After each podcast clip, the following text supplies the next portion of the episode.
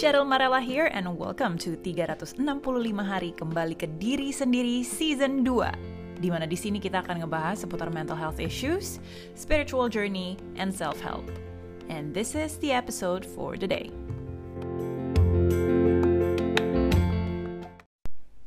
Hello and welcome back to 365 hari kembali ke diri sendiri with me Cheryl Marella. It's been a while. Literally. So I think I'm gonna make this as season 2 karena saking udah lumayan lama breaknya. Last time I was doing 365 was um, wow, early 2020. Okay, almost two years then. Tapi kan podcast Good Talknya tetap jalan. Anyway, what I wanna what I wanna share kalau di 365 ini emang um, kita lebih banyak ngebahas seputar mental health issues, spiritual journey, self help, and all those stuff basically kan. So dalam waktu dua tahunan ini, I feel like there's so much growth happen to me personally. Tapi menuju growthnya itu man, it was so uncomfortable. I just, I'm just gonna be bluntly honest with you guys. It freaking sucks sometimes. Kayak gue harus mengalami banyak banget kayak failing, jatuh, terus um, hampir semua trigger-trigger gue tuh kayak nongol. Dari mulai yang di 2020 sempat ada sekitar 7 bulan, I wasn't really working, working. I mean, yes, I had to keep my job dengan salary yang terpotong lumayan jauh and it just didn't cover anything. Basically, I had to live off of my own savings. Terus abis itu, you know, those triggered feelings of I'm not good enough, I'm gonna lose this, I'm gonna lose that, gue akan kehilangan ini, gue akan kehilangan itu. Uh, apa namanya?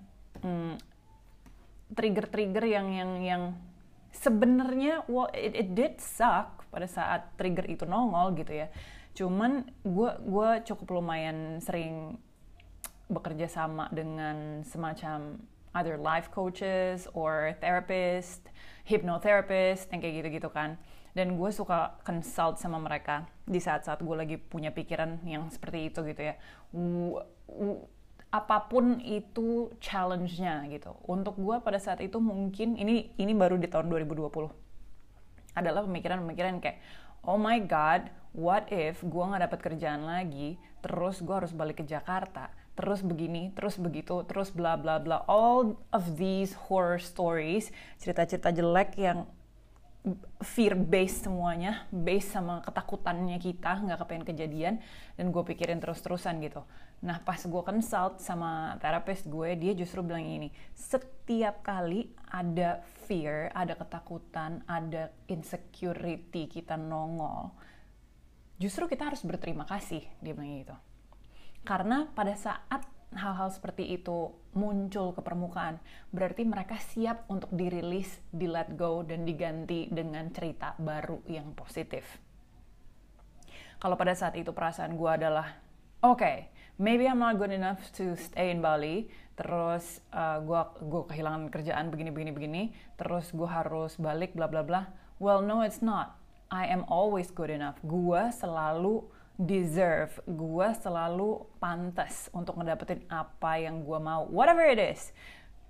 Mau itu berhubungan dengan pekerjaan, duit, relationship, friendship, health, kesehatan kita dan sebagainya gitu ya. Cuman waktu itu gue memang kayaknya satu dunia mikirin duit kan di tahun 2020, including me. Terus pada saat itu kejadian, berarti gue harus belajar untuk merilis ketakutan-ketakutan yang seperti itu dan replace dengan story-story yang kayak gue bisa kok ngedapetin apa yang gue mau.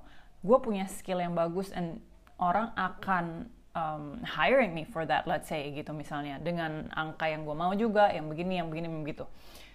Jadi belief belief baru yang harus ditanamin ulang ke dalam diri kita pada saat fear, insecurity, ketakutan, keraguan, segala macam muncul gitu yang which is very human, but it's not helping.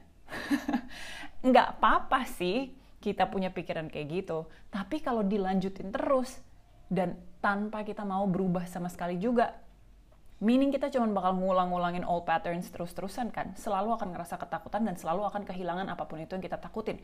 Karena gimana pun juga, therapist told me, intinya kalau kita fokus sama cerita yang paling sering kita ulang-ulang di kepala, cerita misalnya kayak, oh gue akan kehilangan kerjaan karena sekarang COVID diulang terus di kepala. Well then that's exactly yang akan kejadian kalau misalnya kita bisa ngomong ke diri kita sendiri, oh gue percaya mau ada covid kayak mau ada apa, gue akan tetap bisa kerja dan mensustain myself di bumi ini dengan cukup bahkan lebih. Dan that's exactly what's gonna happen. Karena look at the world, nggak semua orang kan kehilangan kerjaan sebenarnya. Cuman pada saat kita takut dan difokusin ke takut itu, takutnya jadi reality akhirnya setelah berhasil mengontrol pikiran gue di akhir tahun 2020 there's a new job coming in. See oh my god if only I would just believe in that a little sooner. Kadang-kadang gue suka mikir kayak gitu sih. Cuman you know what? Lesson learned um, waktu awal-awal gue fokus sama takut bener-bener yang gue takutin kejadian tapi pada saat gue bisa mereverse rasa takutnya dengan believing again percaya lagi sama diri gue dan percaya lagi kalau bisa dan gue berasumsi bahwa Bali masih mau kok gue ada di sini dan gue bisa stay di sini. Something great is coming towards my way and it actually did dan akhirnya gue tetap stay to this day masih di sini juga um, tapi challenge lainnya tiba-tiba datang, which is ini di tahun 2021. Jadi udah soal pekerjaan udah selesai, tiba-tiba yang ke-trigger sama gue beberapa saat yang lalu adalah self concept. Dan konsep tentang diri ini ternyata jadi landasan yang harus kita punya dan kita harus kuat di situ. Selain kita pelajarin how to love ourselves, self love, mencintai atau menyayangi diri kita sendiri, uh, kita juga harus belajar self concept atau konsep diri kita yang gimana caranya kita melihat diri kita itu semua akan direfleksikan sama orang lain di luar kita ya kan. I'm gonna I'm gonna need another episode just for this. Tapi let me just tell you the story. Intinya adalah gue tertrigger dengan social media. Oh my god. Pokoknya intinya di satu momen sekitar sebulan yang lalu I think gue ngelihat sosmed terus tiba-tiba mulai ngebandingin diri gue dengan orang lain I know it's bad harusnya tidak gue lakukan tapi di saat itu for some reasons gue nggak bisa berhenti jadi kayak udah gue gue masuk nih otaknya kayak kayak oh shit gue mulai ngebandingin diri gue nih sama orang lain gitu. Gue gue sadar ya. It's not that I'm not aware I was I was in that state. I was aware gue sangat aware bahkan gitu. Kayak gue lagi ngeliat diri gue dari luar gitu. I'm like observing myself what I'm doing and I know I'm not doing it right tapi nggak bisa nyetop juga pada saat itu gitu. And then I went down the rabbit hole of mulai mencari-cari apa yang salah sama diri gue sendiri dan again starting to create horror stories gitu. Cerita-cerita yang tidak gue inginkan untuk terjadi di dalam hidup gue in the future. Why would I wanna do that? Itu gue sadar. Kayak secara secara sadar, secara teknik-teknik yang gue sudah belajar selama bertahun-tahun terakhir ini, I know that's not the right thing to do. Tapi ada momen-momen di mana as human beings, iya itu kejadian gitu. Dan akhirnya uh, apa namanya yang yang gue lakukan adalah gue memberikan waktu dulu buat diri gue untuk first menerima bahwa oke, okay, gue mulai masuk ke state panic attack nih gitu gue sadar sih nih gue mulai masuk ke situ. Tapi terus gue kayak command ke diri gue sendiri kayak memerintahkan diri gue sendiri untuk kayak tapi lo tidak boleh begini lebih dari 24 jam ya. As in yang panik-paniknya gitu. Panik attack yang panik attack kan lo bener-bener sampai kayak nggak bisa nafas um, system shut down basically. Gue nggak bisa ngapain I couldn't work I couldn't really do anything. Bener-bener cuma di tempat tidur aja. Panicking and it was really really bad. Itu perasaan yang episode kayak gini udah lama nggak gue rasain. Terakhir gue ngerasain itu kayak setahunan yang lalu. And then tiba-tiba that day came again and then gue mendadak panik lagi gitu. Um, habis itu gue terima dulu sih. In order for you to heal kalau lo pengen sembuh kalau lo pengen pengen uh, momen yang gak enak itu lewat lo harus menerima dulu momen saat ini kan. Which is momen saat itu adalah gue sedang merasa panik dan momen saat itu adalah gue sedang tidak merasa enak gue lagi gue lagi insecure parah istilahnya dalam tanda kutip gitu ya. Um, and then gue terima and then um, apa ya semacam kayak gue bilang ke diri gue sendiri that it's okay not to be okay right now I'm gonna feel it. Nah di sini tricky-nya karena emang untuk kita bisa masuk ke perasaan berikutnya setelah perasaan panik, takut, ragu dan sebagainya itu adalah kita harus rasain dulu kan, bener-bener sampai perasaan yang gak enak ini selesai baru bisa ganti ke perasaan lain, right? So I had to feel it and let it pass.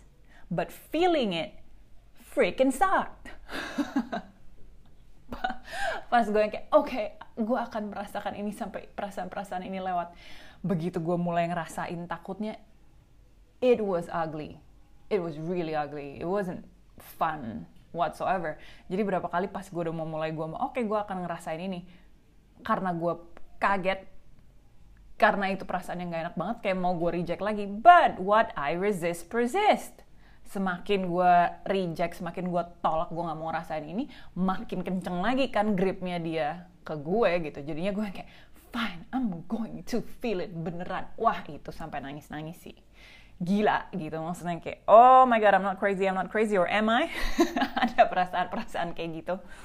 Um, to a point di mana akhirnya gue ngerasa um, sehari lewat gitu ya gue ngerasa kayak I don't think I could do this nggak bisa ini udah episode di mana gue tidak bisa menghandle ini sendirian aja I need help dan itu juga jadi salah satu proses pembelajaran buat gue ya di mana ada momen-momen gue bisa nih uh, bener-bener kayak oke okay, I can tame myself. Gue bisa gue bisa kok nge-switch apa ya namanya panic button atau anxiety button gue balik ke normal easy. Tapi kadang-kadang ada momen-momen yang it's not going to be that easy. Dan ini terjadi kemarin gitu. Akhirnya gue uh, WhatsApp beberapa temen gitu untuk nanya kayak ada yang tahu nggak terapis yang bisa hipnoterapi? Karena menurut gue uh, hipnoterapi work quite well for me gitu ya. Jadi gue pengen sesuatu yang bisa ngebantuin gue untuk rewiring my brain like right there and then karena gue sangat membutuhkan itu pada saat itu gitu. Dan akhirnya gue dapet um, beberapa nomor orang dan akhirnya gue pergi gitu ya ke si terapis ini. But the point is pada saat lo lagi ngerasa oke okay, gue nggak bisa ngelakuin ini sendirian. Please please please please please jangan takut untuk cari pertolongan di orang lain. Dan uh, I'm telling you nggak semua hal juga kita harus bayar ngerti gak sih? Sometimes your friends can help you. Kalau lo emang punya teman-teman baik yang ngerti tentang hal seperti ini dan kalau mau yang professional help juga, ini sekarang udah ada uh, apa namanya satu hotline namanya Lisa, bisa dicari di Instagram juga. Mereka itu sebenarnya suicide suicide prevention hotline gitu, tapi mereka tuh punya psikolog psikiater 24 hours. Dan apa namanya mereka kapan aja ditelepon akan bisa ngobrol sama lo gitu ya atau kalau mau yang pergi one on one pakai BPJS itu lo akan dirujukkan ke rumah sakit terdekat yang memiliki profesional professional helpers, psychologist atau psychiatrist. Terserah yang mana yang mau kita datengin gitu ya, tergantung kebutuhannya kita juga. But please look for help. Jangan biarin diri lo sendirian sama pikiran lo sendiri, especially pada saat pikiran lo lagi enggak apa ya lagi nggak baik gitu. Pikirannya lagi nggak yang positif pikirannya lagi nggak doing you any favors. Don't be alone. That's not good juga gitu. Walaupun lo memang perlu waktu untuk memproses itu mungkin but kita selalu kan tahu kan kapan di mana no this is I am spiraling down misalnya gitu. Uh, I cannot do this alone. Then look for help.